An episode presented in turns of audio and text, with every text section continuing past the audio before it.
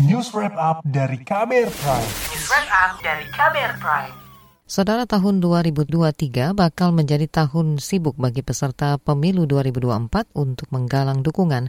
Berkaca dari pemilu sebelumnya, muncul kekhawatiran akan kembali terulangnya perpecahan di masyarakat akibat politik identitas hingga politisasi agama.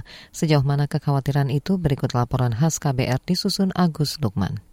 Saudara Presiden Joko Widodo berharap pemilu 2024 bisa berlangsung lebih berkualitas. Harapan itu disampaikan Jokowi saat menghadiri ulang tahun Partai Hanura pekan lalu. Jokowi mengingatkan seluruh partai agar menjaga suasana pemilu agar tidak menjadi tegang maupun panas. Ia juga berharap tak akan ada lagi politisasi agama, sara hingga politik identitas. Agar pemilu mendatang ini benar-benar berjalan dengan damai dan semakin berkualitas tidak ada lagi nanti politisasi agama, tidak ada lagi politik sara, tidak ada lagi politik identitas, nggak ada. Karena kita semuanya ingin pemilu 2024 itu berkualitas. Harapan Jokowi itu tidak lepas dari maraknya politik identitas maupun politisasi agama pada dua edisi pemilu sebelumnya.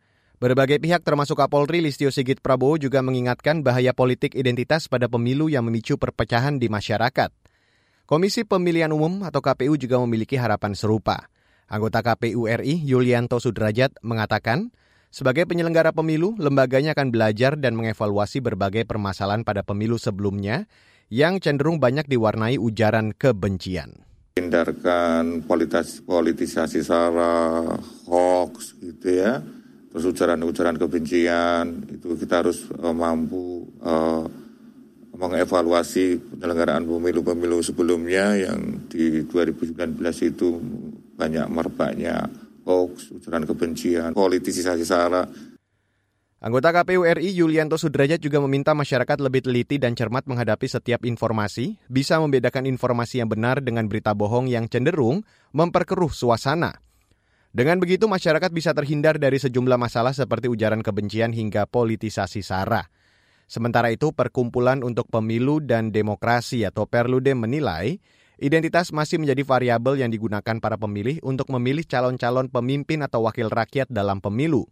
Direktur Eksekutif Perludem Hoirunisa Nur Agustiati meminta para peserta pemilu baik partai politik, anggota legislatif maupun calon presiden tidak memanfaatkan situasi itu dengan mempolitisasi identitas untuk meraup dukungan atau menjatuhkan lawan. Salah satu caranya adalah ya peserta pemilu, baik partai politik, calon itu nggak bisa lagi pakai cara-cara instan, pokoknya mau menang sehingga uh, apa pun segala cara, segala isu digunakan gitu ya. Kalau misalnya peserta pemilu itu dekat ya dengan masyarakat, saya rasa ya, masyarakat itu punya alasan lain untuk memilih ya, sekedar berdasarkan identitas karena memang kenal sama partainya, kenal sama orangnya gitu ya, melihat kerjanya seperti apa. Nah saya rasa itu bisa jadi poin uh, dari publik untuk uh, memilih juga. Direktur Eksekutif Perludem Horunisa mengatakan, dalam Undang-Undang Pemilu memang ada aturan terkait kampanye yang tidak boleh berkaitan dengan sara, fitnah, dan lain sebagainya. Namun aturan tersebut selama ini hanya dimaknai dalam koridor kampanye konvensional atau tatap muka saja. Padahal politik identitas selama ini lebih banyak menyebar di media sosial. Penilaian berbeda disampaikan peneliti dari lembaga survei Saiful Mujani Research and Consulting, Saidiman Ahmad. Ia menilai pada pemilu 2024 lebih cerdas dan tidak gampang terjebak pada politik identitas. Pemilih kita ini adalah pemilih yang cukup cerdas sebetulnya ya. Dan itu dari waktu ke waktu semakin cerdas. Tadi misalnya kita ngomong soal politik identitas dan seterusnya, itu sebetulnya masih ada muncul di masyarakat tetapi semakin lama semakin tidak relevan. Kemudian uh, tadi kita bicara soal uh, mengendorse kami juga menemukan di dalam survei-survei bahwa rasionalitas pemilih kita ini membuat mereka semakin independen. Mereka tidak tergantung kepada endorsement sebetulnya. Saudara laporan ini disusun Agus Lukman, saya Reski Mesanto. Kamu baru saja mendengarkan news wrap up dari Kabel Prime. Dengarkan terus kabelprime.id, podcast for curious minds.